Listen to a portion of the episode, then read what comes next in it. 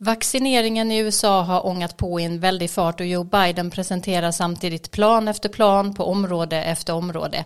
Ekonomin börjar tuffa igång, samtidigt ser vi en överraskande och upptrappad konflikt mellan storföretag och det republikanska partiet.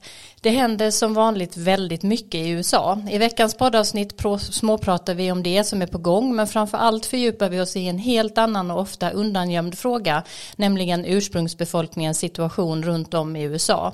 Sveriges mest kunniga forskare på området Gunlög Fur är med oss i vårt samtal. Och så har vi pratat med Ebba Blitz, tidigare svensk medieprofil och nu mer framgångsrik företagare inom IT, säkerhet, IT-säkerhet bosatt i Florida. Om den stora omflyttningen som sker i USA nu och om räddningspaketens inverkan på ekonomin. Varmt välkomna att lyssna. I have a dream. One day this nation will rise up, live out the true meaning of its creed. This is a place where you can make it if you try. This is a country where anything is possible, no matter who you are. Together we represent the most extraordinary nation in all of history. We're always looking ahead, ahead to an America that's freer and more just, ahead of an America that never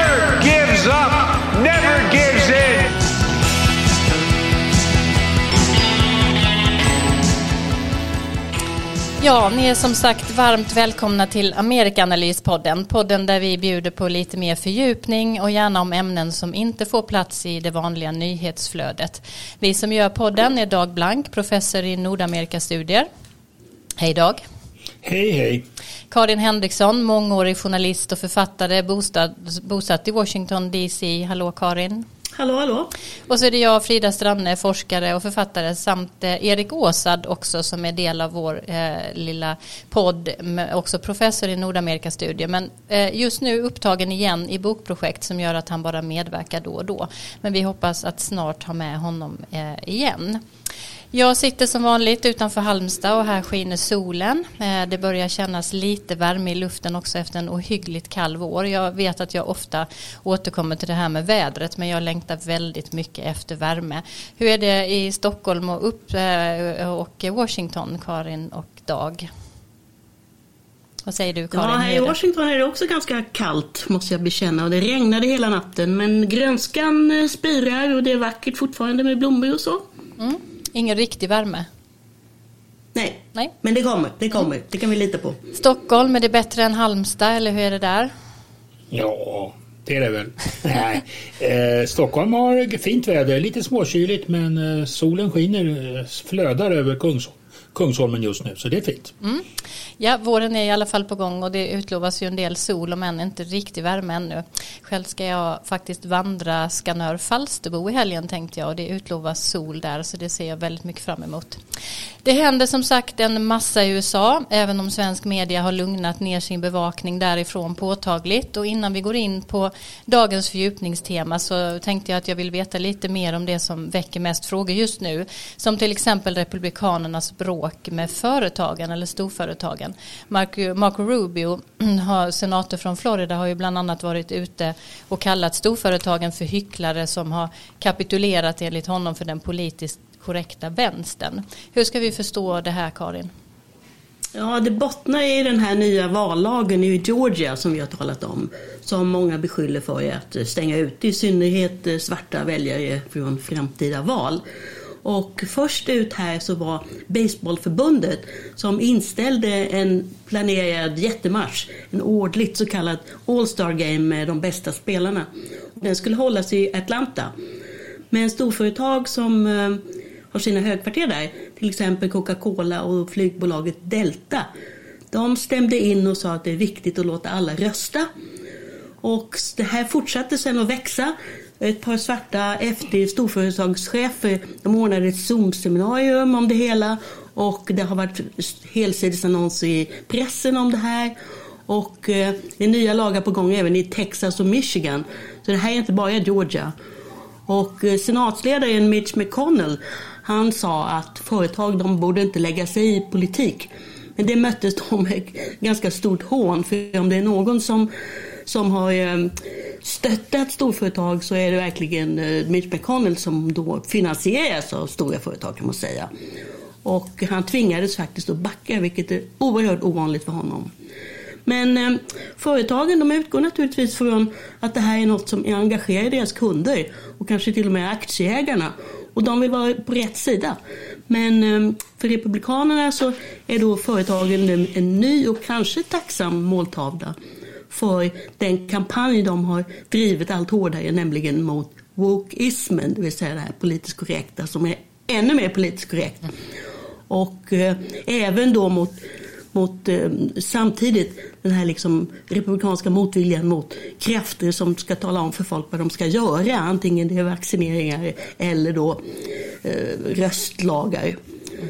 Så att eh, vi får, det, det, samtidigt då måste man ju påpeka att det är ju definitivt inte så att storföretagen på något, sida står på, på något sätt står på vänsterns sida. De vill ju inte ha högre bolagsskatter, mer regleringar eller kontroll av kampanjfinansieringen. Nej, exakt. Det är väldigt eh, intressant att se vad det blir av det här. För det är ett ganska uppskruvat tonläge, absolut måste man ju säga. Sen har vi ju fått eh, ett besked precis i dagarna om att man ska ta tillbaka alla trupper från Afghanistan senast på årsdagen av terrorattackerna den 11 september som i år då har, eh, har det gått 20 år sedan den här händelsen och nu säger Biden att USA ska lämna Afghanistan. Eh, vad, vad innebär det beslutet Karin?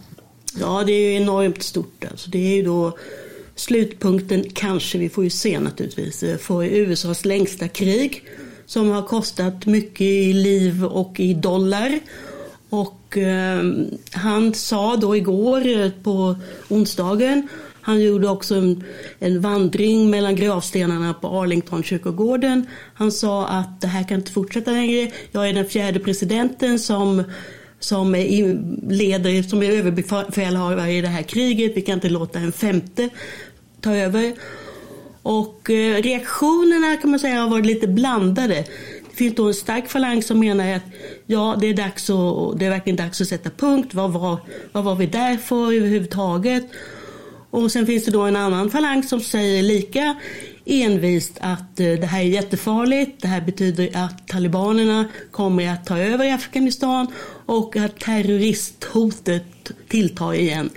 Och ehm, det här men, men jag tror på det hela taget så, så är det nog en lättnad att detta krig är slut och eh, Joe Biden själv säger att det är inte så att USA kommer lämna helt och hållet utan man ska ha kvar diplomatiska och eh, humanitära initiativ eller insatser. Och eh, utrikesminister Tony Blinken, Blinken är där just nu och samtalar då med presidenten och de andra i, i den afghanska regeringen.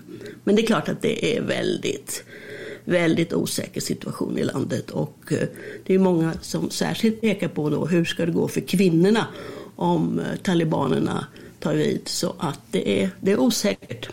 Ja, det är väldigt många frågor som ju berör Afghanistan men också vad det här eh, USAs längsta krig faktiskt någonsin faktiskt har lett till eller inte lyckats åstadkomma på alla de här åren av eh, militär närvaro. Eh, trots att det här ju faktiskt eh, är mitt ursprungliga forskningsområde så har vi aldrig pratat om eh, Mellanöstern eller utrikespolitiken här i podden och vi får kanske eh, eller har kanske alla skäl nu att faktiskt se till att göra det framåt, inte minst eh, utifrån det här beslutet. Ehm, en annan sak som fortsätter att dominera i USA nu inte minst är ju rättegången mot eh, polisen som eh, dödade George Floyd för eh, ett år sedan. Eh, och en rad händelser som har inträffat den senaste tiden och som ju har förstärkt återigen eh, hela frågan om eh, polisvåld har ju också inträffat nu och ytterligare satt ljuset på detta. Du följer ju det här Dag har jag förstått. Vad, vad, vad kan man säga om, om hur det är just nu? Ja, vi har ju den här rättegången i Minneapolis som nu börjar gå mot sitt slut. Nu har åklagarna har eh, presenterat sitt fall och nu är det försvarsadvokaten som, som har talat de senaste dagarna. Eh, det har ju förstärkt, situationen har ju förstärkts genom ytterligare en skjutning i en förort till Minneapolis häromdagen, Brooklyn Center med en svart man som dödades där. Så det har ytterligare skruvat upp eh, stämningarna och, och, och, och, spänningarna i Minneapolis. Downtown Minneapolis är eh, under stark kontroll, mycket poliser på gatorna och hus och affärer har plywoodskivor framför fönstren så att säga.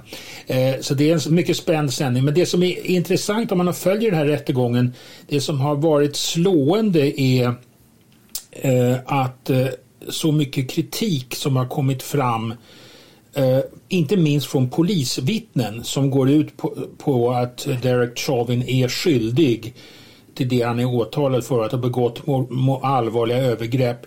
Alltså det är en mycket ovanligt att polismän döms för den här typen av ingripande i USA. Det finns en väldigt stark kåranda Eh, även i USA och även i, i, Sverige skulle jag vilja säga.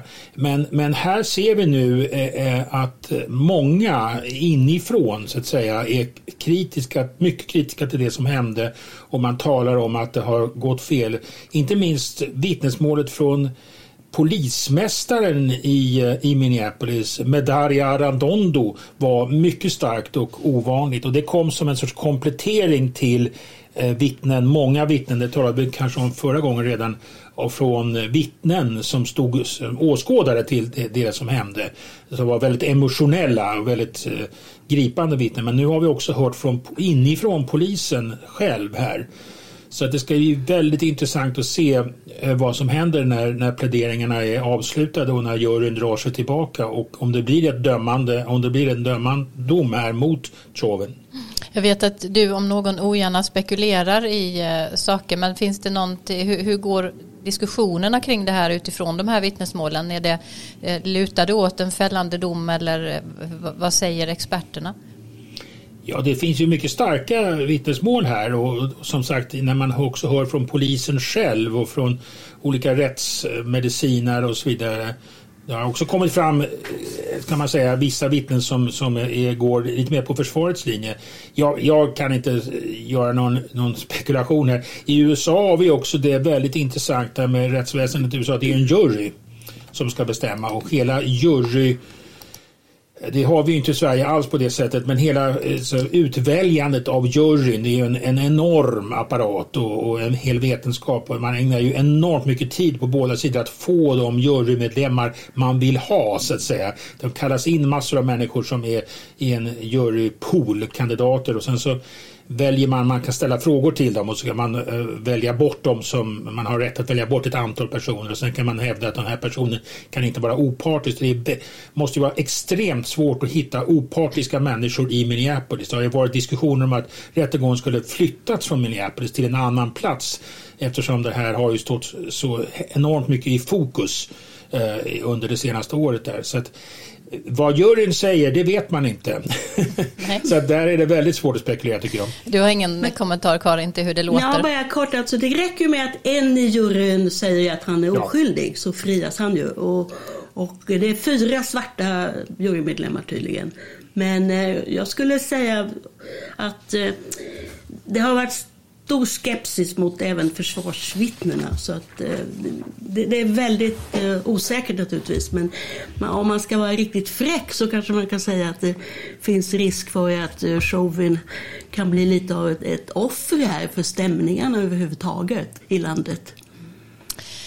Eh, nästa avsnitt eh, kommer vi att ägna lite mer åt eh, Bidens hundra första dagar. Jag vet inte exakt vilket datum det infaller men det är ju ganska snart. Och det har ju har införts ett stort omfattande räddningspaket och som jag sa inledningsvis så har han ju mycket aktivt gått ut med eh, den ena policyn efter den andra och, och gjort väldigt många saker på, på den här Eh, förhållandevis korta tiden. Det jämförs ju ibland med andra omfattande samhällsbyggnadsprojekt som New Deal och The Great Society. Och som sagt ska vi fördjupa oss i detta i nästa avsnitt. Ebba Blitz som är vår eh, gäst i podden idag också kommer delvis att beröra det här. Men vad, vad säger ni lite kort bara de här, eh, den här första perioden, har det förvånat? Ehm, Dag, vad säger du? Ja, Biden valdes ju som en centrist. Det var ju ingen radikal politiker så att säga. Det var ju det stora tilltalet, ett av tilltalen han hade. Det finns ju en, en stark progressiv flygel inom det demokratiska partiet. Det fanns ju en stor oro att den skulle ta över och Bernie Sanders-gänget och Alexander Ocasio-Cortez och så vidare. Nu har ju Biden visat sig vara oerhört eh, aktivistisk och, och, och framförallt vad som har skett är ju det som vi talar om nu, att han har spenderat jättemycket pengar. Stora federala satsningar på många olika områden. Alltså, dels var det det här räddningspaketet och nu har vi det här stora infrastrukturspaketet. Det kommer mera. Och det där drar man nu paralleller med New Deal och The Great Society under Franklin Roosevelt och Lyndon Johnson där den federala regeringen liksom expanderade och, och, och agerade. Det har ju sedan 1980-talet varit nästan så att den federala regeringen har varit på reträtt. Uh, the era of big government is over var det väl Bill Clinton som till och med sa. Nu är frågan is big government back? Ja, och det kommer vi tillbaka till eh, nästa program om, om 14 dagar. Nu ett annat inslag.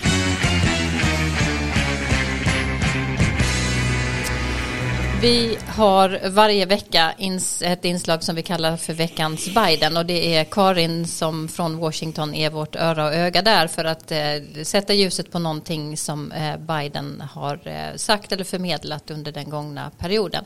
Eh, nu tragiska nyheter om massskjutningar och polisskjutningar kommer så gott som varje dag. Vänstern i det demokratiska partiet har varit otålig.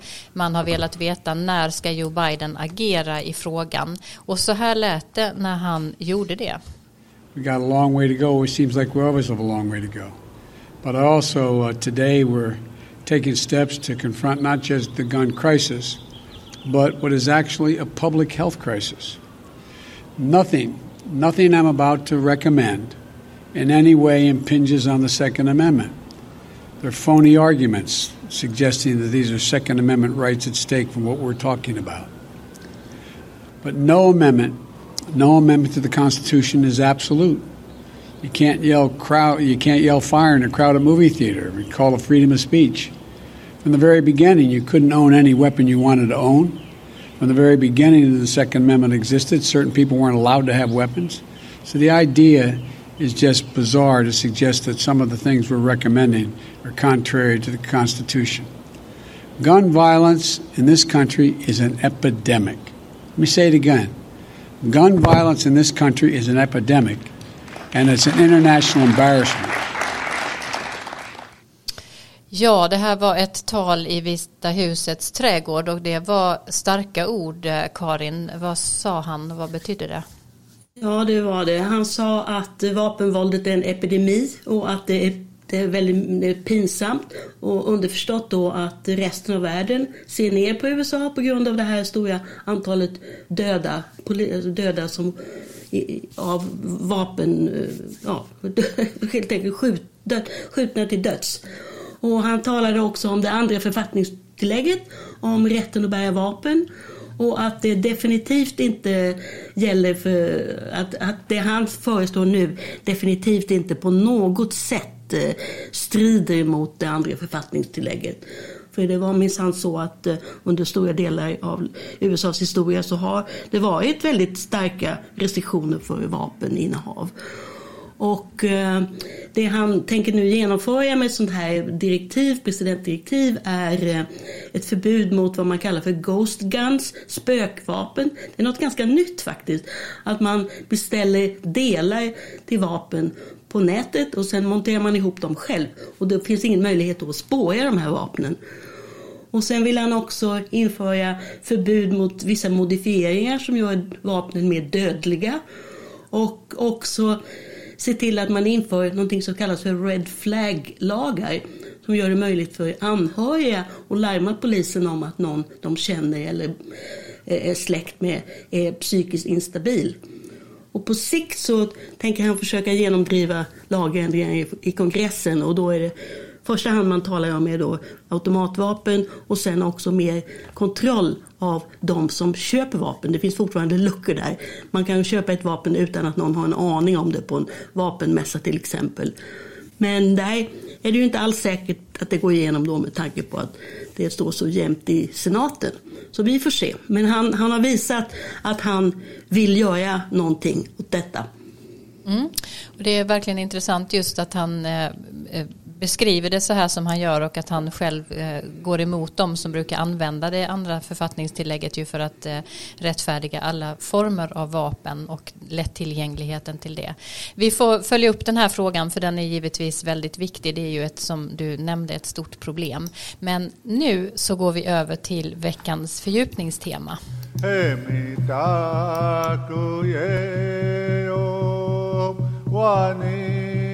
đức trời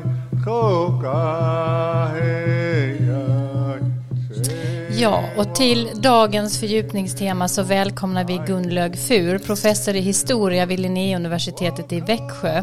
Gunlög är förmodligen Sveriges främsta expert på den amerikanska ursprungsbefolkningens historia, om vilken hon har skrivit ett stort antal böcker och artiklar. Hon har sin akademiska skolning i både Sverige och USA med en doktorsexamen från University of Oklahoma. Och idag ska vi alltså äntligen prata om den amerikanska ursprungsbefolkningen och dess situation både nu och genom historien. Det är en grupp som sällan talas om och vars livssituation inte speglas så väl i, i svenska medier trots vår omfattande bevakning. Men nu ska vi göra vad vi kan här i Amerikanalyspodden för att i alla fall beskriva lite om den här gruppen. Varmt välkommen till att börja med Gunlög.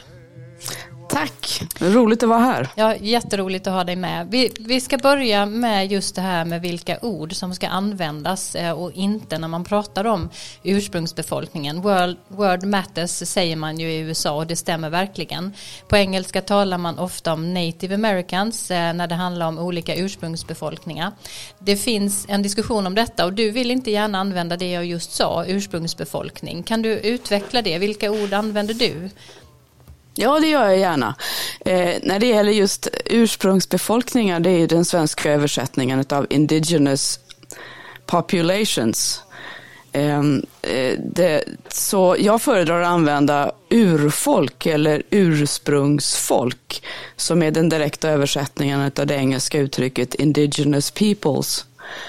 Och det handlar om att eh, i internationella överenskommelser bland annat i, inom FN då när man har diskuterat ursprungsfolk runt om i världen så har man enats om att det är ordet peoples man ska tala om eh, för att inte undanröja möjligheten till eh, självständighet och eh, självbestämmande. Mm. Du har ju studerat ursprungsamerikanerna under många år. Hur kom det sig att du intresserade dig för just detta ämnet? Det var ett barndomsintresse. Det började som ett barndomsintresse. Jag var en bokslukare och pojkflicka och växte upp med västernserier i tidningar och senare på tv. Bröderna Cartwright och High Chaparral och sånt. Eh, och, eh, så jag läste alla, alla indianböcker som jag hittade på biblioteket. Och sen en dag så hade jag läst igenom det som fanns och så råkade jag på en populärvetenskaplig bok. Den var faktiskt utgiven utav eh, Svenska Indianklubben. Och läste den och blev fångad av den och upprörd över hur fel jag tyckte beskrivningarna var i det som jag hade läst tidigare och sett tidigare. Eh, och sen åkte jag till Kanada som 16-åring. Och eh, det var väldigt nyttigt. Jag blev tvungen att konfrontera mina egna fördomar och ska man säga, stereotypa föreställningar om Nordamerikas urfolk. Mm. Ofta behandlar man de olika grupperna ursprungsamerikaner som en enda och det är ju knappast korrekt. Kan du, du säga något om den stora mångfald som finns inom grupperna och hur det påverkar deras liv? Ja, eh, jag tänkte jag skulle gärna utveckla också vad, vilka ord man kan använda annat än ursprungsfolk för att eh, det, är, det rör sig om så många olika folk. När jag kom till Oklahoma som student på mitten av 1980-talet så eh, hamnade jag i en delstat eh, med den allra mest varierade eh, ursprungsrepresentationen ehm, eh, av alla delstater i USA eh, mer än 60 olika folk, språk, sätt att tänka och vara och delvis olika e- historiska erfarenheter och relation till, till USA, eh, bor idag där. Och eh, det gör ju det att det, det blir väldigt både okunnigt och opraktiskt att baka ihop alla dem under ett enda samlingsnamn som antingen indianer eller eh, vad, eh, vad man, tidigare använde man ju indianer oftare. Men på 80-talet så började man att diskutera vad man skulle eh, använda istället och eh, jag spelade badminton på universitetet med en kille eh, som jag till slut frågade om det möjligtvis var så att han var indian. Det var det ordet jag använde då. Och då svarade han, ja, jag är I am Arapaho. Och det var någonting som jag fann då att människor oftast ville presentera sig med det namn som de använde om sitt eget folk. Och eh, det, i Oklahoma är då en, en delstat som är väldigt tydligt speglar den här otroliga mångfalden. Ehm, det finns stor fattigdom, hög arbetslöshet i vissa delar. Ehm, det, det bor till exempel, men så finns det också andra eh, folk som det har gått väldigt, väldigt bra för. Chickasaws till exempel har lyckats eh, nå en enorm ekonomisk framgång genom att de har två kasinon strategiskt placerade längs I-35 som går från Dallas och norrut. Eh, och de pengarna har man sedan väldigt smart använt till att investera i sjukvård och utbildning och så vidare. Medan till exempel ehm, eh, eh, Apacher, Apache eh, Tribe of Oklahoma som bor i sydvästra delen, de var ända fram till en bra bit in på 1900-talet krigsfångar. Och eh, där finns det, det är också en del av Oklahoma som är ekonomiskt svag. Eh, och så där ser man en helt annan livssituation. Så villkoren skiljer sig väldigt, väldigt mycket. Språken skiljer sig.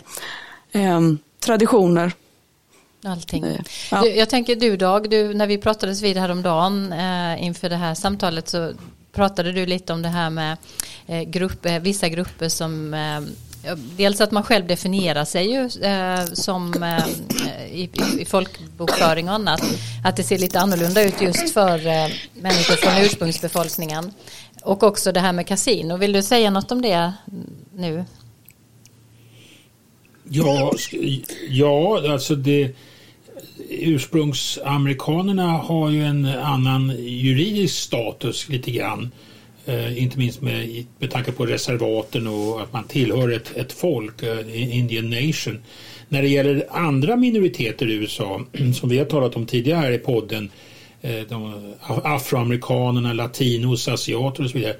Tillhörigheten där, den bestäms ju av självidentifikation väldigt mycket eller helt bestäms av självidentifikation. När det gäller ursprungsamerikanerna så är självidentifikation naturligtvis viktigt men det finns också eh, andra grunder för att bli medlem i, i de här grupperna. Ehm, um, Gunlög igen, eh, kan du säga någonting om, om gruppens eller gruppernas status visavi USA? Hur utvecklades relationen som ju har präglats av väldigt mycket våld och, och övergrepp? Det är viktigt att komma ihåg att ända fram till eh, en bra bit in på mitten av 1800-talet så var större delen av den nordamerikanska kontinenten urfolksland. Eh, så, eh, och det präglar ju också hur relationen har utvecklats och hur den ser ut idag. Förenta Staterna, när det, grundade, när det grundades då på slutet av 1700-talet, tog över hur de brittiska kolonierna hade förhållit sig till de olika nationer som de hade att förhandla med. Och eh, man fortsatte efter en kort paus på 1780-talet så fortsatte man att helt enkelt ingå avtal eh, med de olika folken om eh, att få tillträde till territorier. Och de här avtalen ingicks med, mellan eh, eh, två parter då som representerade sina styrelser, alltså sina regeringar. Och de ratificerades av kongressen. Eh, det finns 367 tror jag jag kollade upp här nu, avtal som är just ratificerade av kongressen.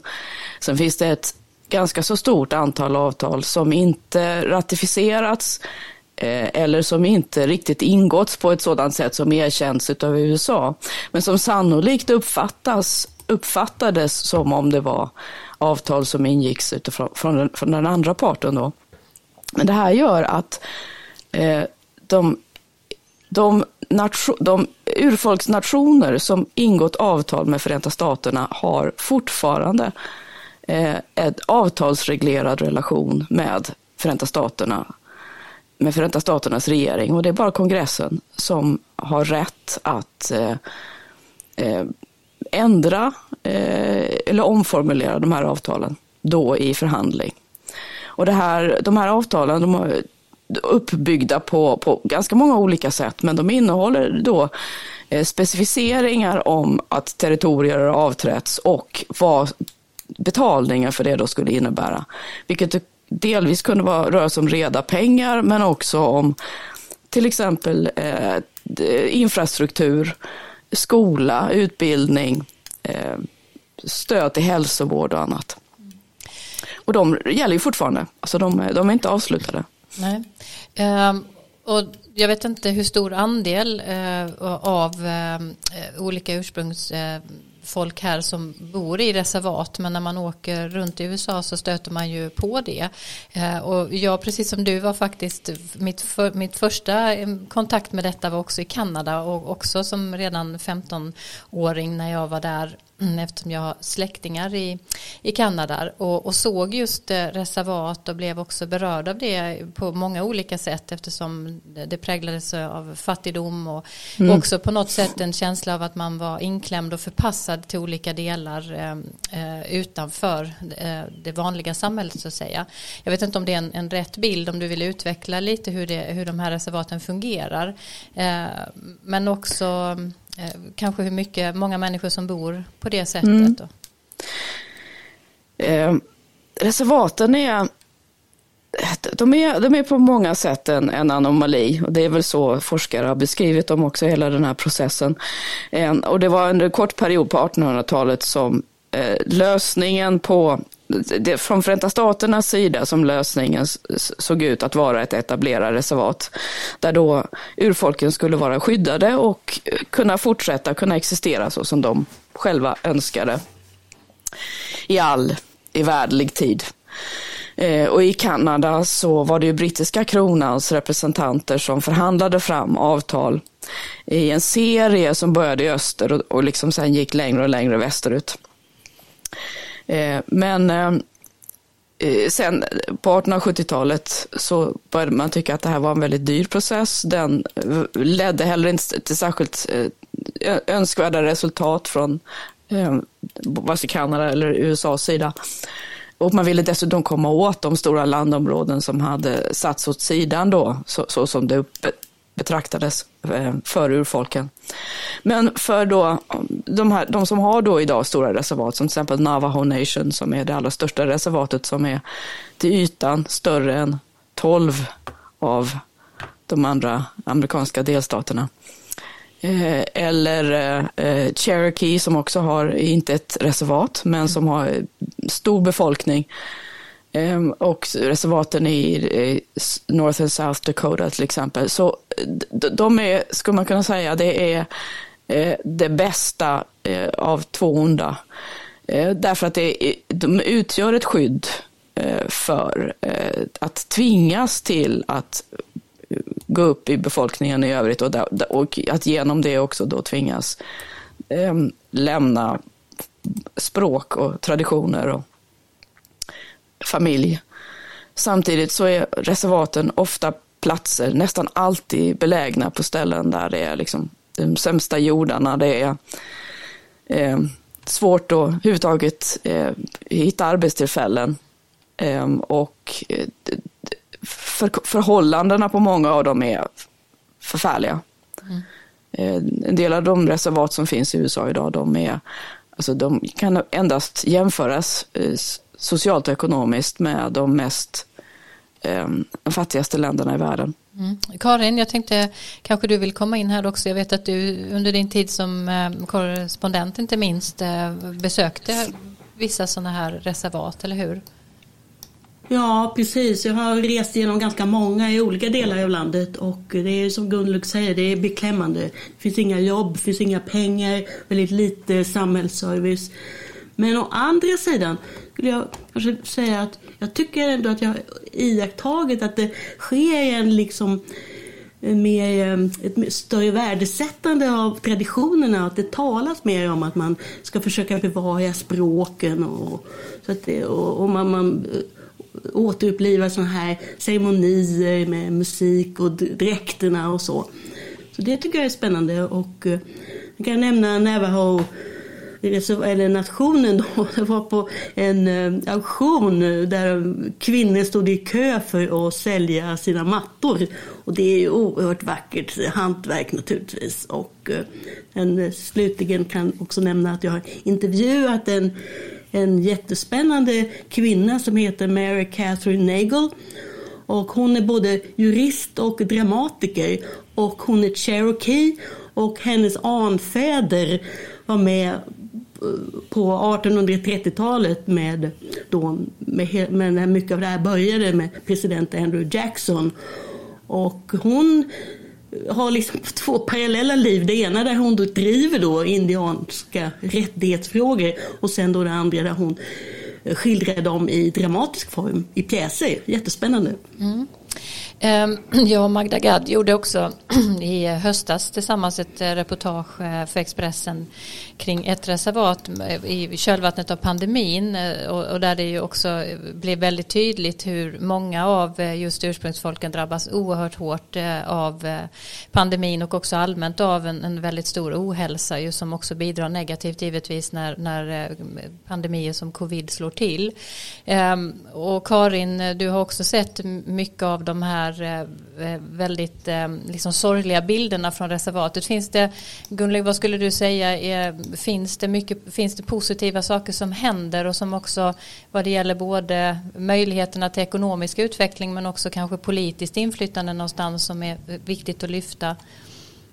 Det gör det absolut och det är väl det att det finns hela spektrat egentligen utav bilder. Det är viktigt att påpeka att Eh, de, många, och inte minst på reservaten, lever under väldigt, väldigt svåra förhållanden och att eh, de, eh, drabbas utav, utav ohälsa och mycket av det är kan man säga, traumarelaterat.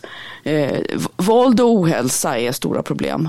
Eh, men samtidigt så har fokus och kan man säga, den, den politiska tyngden eh, ökat för Nordamerikas ursprungsfolk under den senaste 30-årsperioden med väldigt stor tydlighet.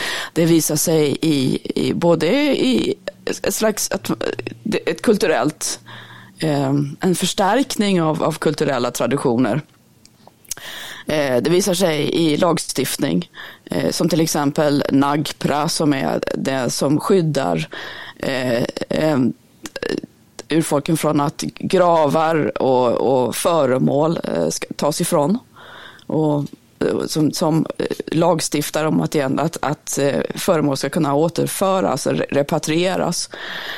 Det handlar om sånt som the Indian Child Welfare Act som precis just nu faktiskt håller på att diskuteras i det amerikanska både politiska väsendet och domstolsväsendet som instiftades för att skydda indianska barn från att adopteras bort eh, och på så vis förlora sin identitet. Eh, och man kan ju också se, eh, det, det, är intressant att titta på vad som sker med the Dakota Access Pipeline.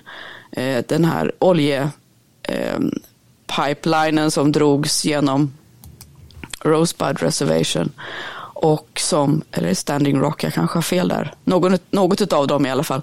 Och där, där de boende där tillsammans med aktivister från många olika håll, från eh, miljörörelsen och eh, från andra eh, reservat gjorde ett sånt stort motstånd mot den att den har lagts i malpåse. Mm. Eh, så att jag skulle säga att det är, det, är en, det är en blandad bild som man ser. Du frågade tidigare om befolkningen. De allra flesta bor inte på reservat. Eh, större delen, den, eh, i de senaste eh, folkräkningarna så visar det sig att eh, de som räknar sig som ursprungsamerikaner är, det är den del av befolkningen som ökar allra mest och allra snabbast. Eh, och är uppe nu någonstans 8 miljoner som identifierar sig som antingen helt och hållet tillhörande någon ursprungsnation eller delvis. Eh, och ungefär av dem så är det väl ungefär, eh, räknar man med, alltså 4 miljoner som är rösträtts, röstberättigade. Så det börjar bli en, en, en, en ganska betydelsefull grupp att ta hänsyn till. De allra flesta bor i städer, som, alltså de stora städerna där det finns jobb och där det finns utbildning. Men många behåller trots det eh, kontakter med eh, hemterritorier nu har vi pratat om vallagar här tidigare och en eh, effekt av vissa mm. vallagar i eh, framförallt den amerikanska södern som har inrättats sedan 2013 så har ju kommit att innebära att det försvårar möjligheterna för, för vissa grupper att rösta och använda sin rösträtt och uh, vissa i alla fall av ursprungsamerikanerna tillhör ju de som kan ha fått försvårade omständigheter kring detta.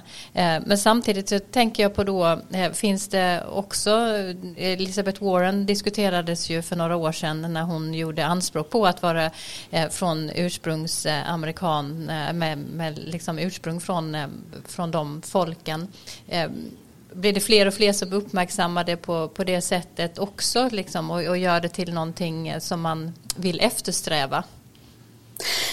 Så har det varit ganska länge. Att det varit, man brukade, ett, ett sånt där skämt i, Oklahoma var att alla hade en Cherokee Princess i sin släkt någonstans. Det var lite fint att hävda det. Men det betyder ju inte att man på något sätt hade en, en, en, en, en kulturell och social och ekonomisk koppling till en, en, en indiansk nation. Eh, men däremot så har det, det är många som, som det har blivit lättare att också tala, tala om det. Eh, och att eh, och med stolthet att man har eh, ett sånt släktskap. När det gäller just Elizabeth Warren så vad jag förstår, eh, om jag förstår det rätt så har hon faktiskt, hon är faktiskt eh, på något sätt i alla fall besläktad med Cherokeerna i Oklahoma. Och de har väldigt tydliga eh, vad heter det, listor på på, därför de räknar, för att kunna bli medlem i Cherokee-stammen så måste man kunna visa att man är släkt i rakt nedstigande led till de som tvångsförflyttades på 1830-talet. Och det betyder ju att det idag finns väldigt, väldigt många ättlingar. Eh, men hon har ju inte någon, hon är inte kulturellt eh, kopplad till dem på något sätt. Och det är ju det som då många har kritiserat, att hon, har ut, hon skulle ha utnyttjat det här eh, för politiska syften. Och, och det eh, finns och väl en allmän kritik emot att politiker eh, lyfter frågor som rör ursprungsamerikaner när man har en politisk vinning att göra ja, på det också. Precis, precis. och det är ju också faktiskt att de senaste åren så har det varit eh, flera som har exponerat, som har utnyttjat eller använt möjligheten av att själv identifiera sig själva som antingen som svarta amerikaner eller som ursprungsamerikaner. Och så, så har den här möjligheten som finns nu att göra DNA-efterforskningar, jag vet inte exakt vad den visar egentligen, men den här tycks, eh, det används i alla fall som ett argument för att visa att de inte skulle ha ett sådant ursprung. Och det har blivit ganska så stora eh, affärer och skandaler kring det här. Eh, men sen det som jag tycker kan vara värt att lyfta det är ju det att det som har stärkts de senaste, de senaste ja, två mandatperioderna det är den tydliga närvaron utav ursprungsamerikaner i både kongressen och nu som den första eh, Head of a Department, Department of the Interior, som nu leds av Deborah Haaland som kommer från New Mexico och är Laguna Pueblo. Eh, men det finns också några flera andra väldigt framträdande yngre kvinnor i kongressen som, som har tagit plats där och med en väldigt stor, alltså markerat också sin plats där. Eh, och det har väckt väldigt stor stolthet runt om i det som kallas för Indian country. Mm.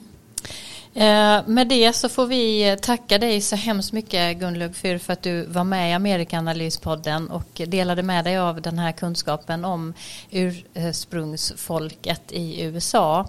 Eh, stort tack för det och det var ju en ganska, i alla fall en delvis hoppfull bild som du gav för eh, eh den, den situation som man lever under idag. Att det finns också hopp eh, trots att eh, man ofta lever väldigt utsatt. Tack så hemskt mycket.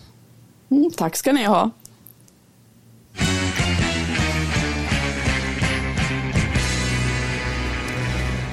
Ja, idag har vi haft eh, en extra gäst här med Gunlug Fur som vi precis eh, hörde. Eh, men det är inte att sammanblanda med den gäst som vi också har med i varje avsnitt nu mer och som får prata om ett område som hen tycker är angeläget. Veckans gäst för det här inslaget är Ebba Blitz, tidigare känd svensk tv-profil och nu mer boende i USA. Ebba driver tillsammans med sin make Fredrik Löfstedt ett IT-säkerhetsbolag och efter fem år i IT-branschens högborg Palo Alto i Kalifornien Kalifornien så flyttade Ebba för två år sedan till södra Florida. Och idag gästar hon oss för att prata om saker som hon ser hända i USA till följd av pandemin och också kopplat till ekonomin. När vi talades vid om hur läget är i USA just nu eh, var du snabb med att nämna omflyttningen. Att det är en stor rörlighet där människor flyttar från olika landsändar till andra. Det, det, har det ju varit också i andra tider i amerikansk historia. Men vad, vad beror det som händer just nu på, tänker du? Och, och möjligen hur skiljer det sig åt från tidigare? Alltså, det är alltid lätt att flytta inom USA. Det är ju samma språk till att börja med. Det är en enorm kontinent. Eh, men det är samma språk, det är ungefär samma infrastruktur, samma eh, för, alltså, eh, varuhuskedjor och så vidare. Det är lätt att flytta inom USA. Eh, och det är precis som du säger att folk har ju flyttat i alla tider. Men just nu ser vi en väldigt stor våg av förflyttning, framförallt från de dominerande kuststäderna Eh, Eh, storstäderna i Kalifornien, alltså San Francisco och eh, Los Angeles och eh, New York på östkusten.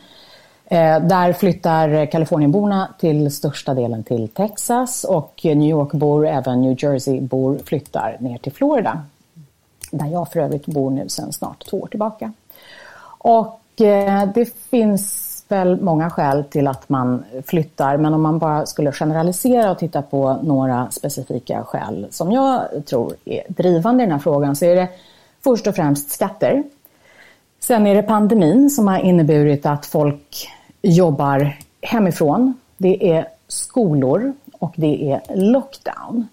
Och eh, om man tittar lite närmare på det här så det här med skatten som har förändrat förutsättningarna. Så det finns ju ett avdrag som kallas för SALT, alltså eh, State and Local Taxes, där man då kunde dra av delstatsskatten från inkomsterna på den federala deklarationen. Och Trump eh, kappade det här beloppet som man kunde dra av ner till 10 000 dollar. Och för folk med väldigt stora inkomster och folk som eh, sitter på stora fastigheter, alltså där fastighetspriserna är höga, typ New York, New Jersey och i Kalifornien, eh, där blev ju det här minskade avdraget en ganska ordentligt kännbar eh, eh, vad ska jag säga? Ja, en, en kännbar förändring i personers plånbok och folk är ganska plånboksdrivna tror jag i USA. Eh, det är man väl kanske i hela världen. Eh, I vilket fall som helst, den andra delen här då, det är ju work from home. Och Eh, när fastighetspriserna är höga så bor ju folk så stort de bara förmår och i New York framförallt så blir ju det då ganska litet för väldigt många. Och om man ska jobba hemifrån och dessutom ha barn som ska ha skola hemifrån, då vill man hellre bo i större hus eh, där man får lite mer spelutrymme, kanske till och med en liten trädgård. Och eh, flytten ut från storstäderna har ju varit enorm. Och Eh, för övrigt så har ju det här också lett till att eh, fastighetspriser för kontorsfastigheter har fallit ganska dramatiskt. I New York inne på Manhattan har vi hört talas om eh, prisfall på uppemot 40 procent i vissa fall just på kontorsfastigheter. Så det sker en enorm förändring i mönster när det som man trodde var omöjligt förut att jobba hemifrån, hur skulle det eh, påverka folks arbetsmoral och så vidare. Det har visat sig att det har gått alldeles utmärkt. Och varför ska man då sitta och trängas i storstäderna? Så work from home har absolut drivit det här i ganska stor grad. Och sen skolorna, just New York och eh, Kalifornien har ju valt att haft en ganska hårdför linje med mycket lockdowns och eh, tyvärr har man ju också hållit skolorna stängda under lång tid. Och Eh, det vet ju alla att barnen är det käraste vi har och när barnen inte mår bra då blir familjer väldigt handlingskraftiga. Och eh, man har ju ännu i Kalifornien inte fått igång all undervisning för barnen och nu är det ju mer än ett år som barnen inte har varit i skolan. Det här gäller ju inte alla barn, men, men vissa skolor har fortfarande inte öppnat. Och Eh, man har ju sett hur mental ohälsa, emotionella problem har ökat explosionsartat och det här gör ju givetvis familjer smått desperata. Här i Florida eller i Texas då, dit många Kalifornienbor flyttar, så är folk ute, barnen ute och leker på lekplatserna, skolorna är öppna. Barnen har förvisso mask på sig, men skolorna är öppna. De behöver sitt sociala sammanhang. Och det här har drivit folk hit då. Eh, och eh, som sagt, det här är som en följd av ganska hårda lockdown som var den sista punkten där som ja, jag hade. Jättespännande för att i ett land där det är lätt att flytta, precis som du inledde med att berätta, så när incitamenten då kommer och så blir det också en, en stor synbar effekt av det.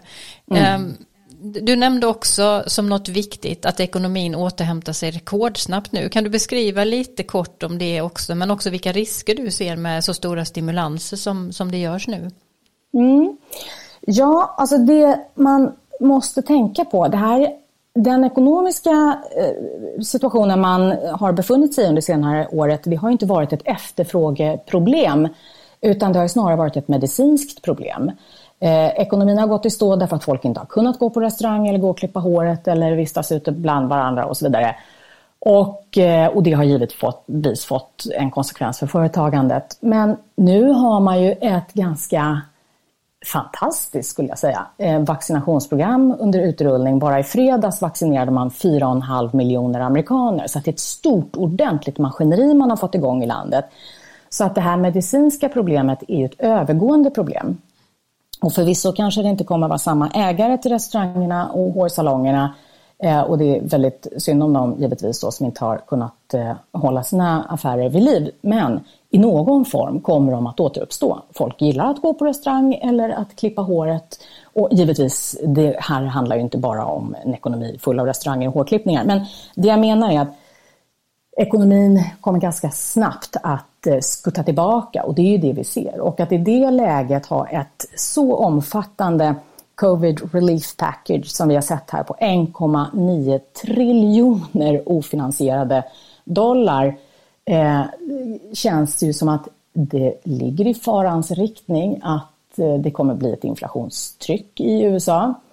Eh, jag kan också se en, en risk också att eh, om företagen får upp sin ånga igen och det finns ett större utrymme för eh, prishöjningar, då kommer givetvis vinstuttagen bli större eller i den mån man har gjort eh, missriktade eh, satsningar på covid relief-pengar helt enkelt till familjer som inte behöver pengarna, ja, då, eller då investerar man pengarna på börsen eh, medan de som mera lever ur hand i mun använder pengarna till konsumtion. Så att det finns ju en risk att man på sikt ser ökande klyftor mellan fattiga och rika. Så att helt oproblematiskt tycker inte jag att det är med den här covid relief-bilen mm. som man nu lägger.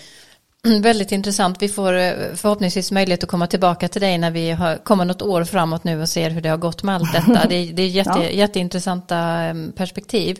Men ditt specialområde eh, för de som inte känner till vad du gör just nu är eh, IT-säkerhet som du har jobbat med mycket på senare år. Mm. Och det är också ett område som har pressats väldigt hårt nu i pandemin när människor, precis som du beskriver, jobbar hemma i mycket stor omfattning. Hur väl utrustad med din kunskap uppfattar du att eh, världen som den ser ut nu när det gäller detta har, har varit? Ja, alltså vi har ju givetvis sett en stor digitalisering som har pågått under en längre tid och eh, det fanns ju teknologier redan på plats. Jag menar, eh, eh, Zoom är ju inte ett bolag som uppfanns under pandemin men däremot så var det ju under pandemin som vi började zooma varandra eller använda olika tjänster. Eh, för att kunna eh, arbeta remote och ändå ses och ändå vara produktiva. Eh, det vi har sett är ju att den digitalisering och den eh, förändring i hur vi arbetar, den tror jag nog skulle ha skett oavsett. Men nu har den ju skett i en rasande takt. Och det intressanta är ju hur man på så kort tid var tvungen att ställa om och att det faktiskt har gått väldigt bra. Eh, många har ju varit förvånade över hur ska vi kunna klara den här omställningen? Hur ska vi kunna lita på att våra medarbetare är produktiva? Eh, hur ska vi göra när folk inte kan träffas vid eh, kassaautomaten och snicksnacka och så vidare. Just den delen tror jag faktiskt alltid att man kommer behöva till viss mån. Men det har faktiskt lett till i vissa fall ökad produktivitet. Folk är mer utsövda, tillbringar mindre tid i bilkö och Eh, jobbar ganska effektivt när de dessutom inte sitter i kontorslandskap utan sitter i trevliga små kontor hemma i sitt kök eller vardagsrum eller var man nu jobbar ifrån. Men givetvis har det här kommit med ett antal utmaningar och det är ju att se till att folk loggar in från eh, säkra devices, alltså både smartphones och eh, paddor och även hemdatorer. Och där har vi en viktig funktion att fylla Eh, där vi med vår teknologi säkerställer att man loggar in från devices som har eh, liksom fundamental IT-säkerhet på plats, alltså hårddiskryptering, personlig brandvägg, eh, antivirus och att operativsystemet är uppdaterat. Och det här är ju väldigt eh, viktiga pusselbitar för att kunna lita på att du kan dela data med folk när de jobbar hemifrån. Eh, så att för företag som vårt så är det här givetvis en stor möjlighet och omställningskraften och viljan har varit stor.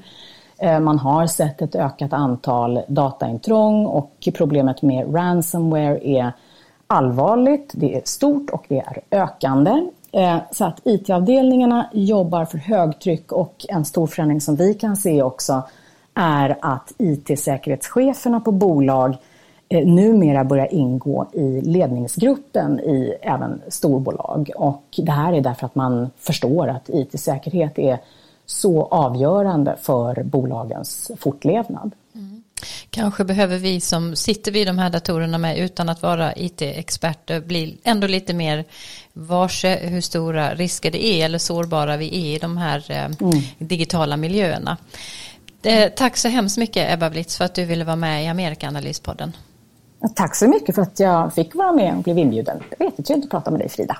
Tack. Ja, det var Ebba Blitz. Och innan vi går över till eh, det avslutande eh, lilla samtalet om bortglömda nyheter så tänkte jag bara fråga er, Karin och Dag, vad, vad ni tänkte om det här med just omflyttningen som nu sker. Eh, Dag, det är ju någonting som har kännetecknat hela den amerikanska historien, men eh, det ser ut att hända mycket nu också. Nya intressanta migrationsmönster. Men det är värt att understryka att amerikanerna är ett rörligt folk. Det är inte bara att man flyttar till USA, det har ju varit en väldigt viktig rörlighet, men man flyttar också inom USA och den här idén om att eh, vara fast på samma ställe som eh, kanske finns på många andra ställen, den är svagare utvecklad. Framförallt inom vissa sociala skikt, de som jobbar i de typerna av företag som, som, där företagen har stor rörlighet. Så man får vara beredd på att flytta, vara beredd på att resa till andra platser när man studerar till exempel också när man ger sig iväg till college. Vi talade ju om det i något avsnitt där. Och för många är det också en väldigt viktig sak att man åker någon annanstans. Att man inte studerar vid hemorten utan man tar chansen att se en annan del. Så det är en väldigt stark tradition i USA.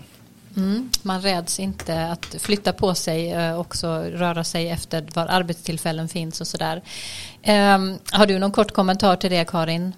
Ja, jag tycker det ska bli jätteintressant att se om det här talet om att folk flyr storstäderna kommer att hålla i sig. Jag har en känsla av att faktiskt folk kommer flytta tillbaka dit. För det är ändå där som, mm, som mycket händer. Och det är där som liksom det är mer dynamiskt kulturliv och så vidare.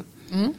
Intressant. Vi har alltid ont om tid tänker jag till vårt sista inslag om bortglömda nyheter. Vi eh, fördjupar oss i ämnen som det finns så mycket att säga om så att eh, tiden går och går. Men eh, vi ska ändå säga någonting kort tänker jag eh, innan vi avslutar om sånt som har fallit bort i det stora medieflödet som ändå finns med olika nyheter. Vad har du tänkt på Karin som borde fått lite mer utrymme?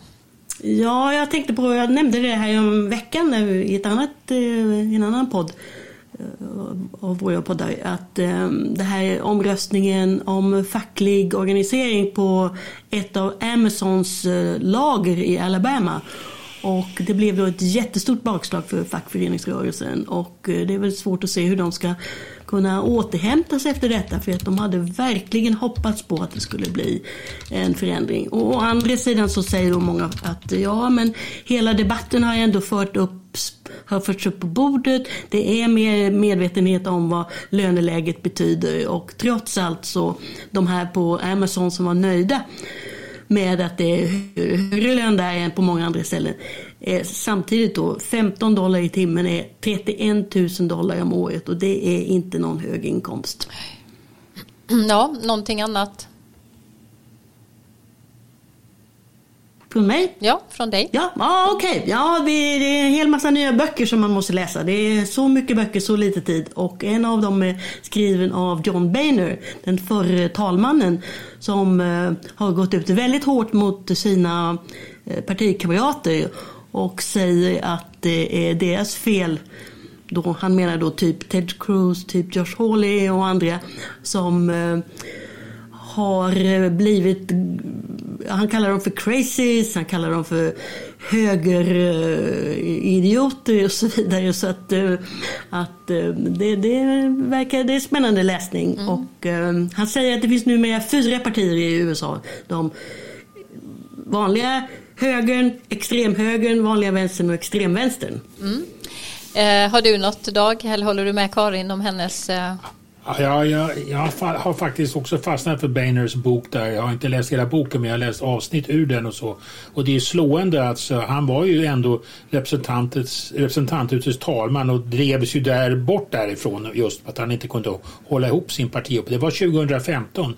Det är bara sex år sedan och det verkar ju som en evighet sedan egentligen om man ser vad som har hänt, hänt sedan dess. Och det pekar ju mycket framåt mot vad som hände sen. Mm, det känns som att jag måste skaffa den boken och kanske några av våra lyssnare också om ni känner intresse av det. Varmt tack för alla intressanta inspel idag och till våra gäster inte minst Gunlug Fur och Ebba Blitz men också till er självklart Dag och Karin som bidrar alltid med era långa erfarenheter och djupa kunskaper till den här podden. Tack Johan Lindström för ljudillustrationer och till alla er som lyssnar på oss.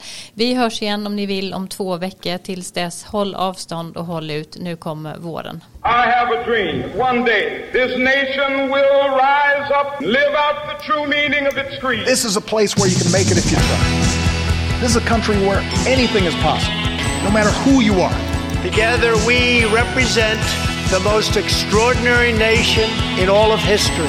We're always looking ahead, ahead to an America that's freer and more just, ahead of an America that never gives up.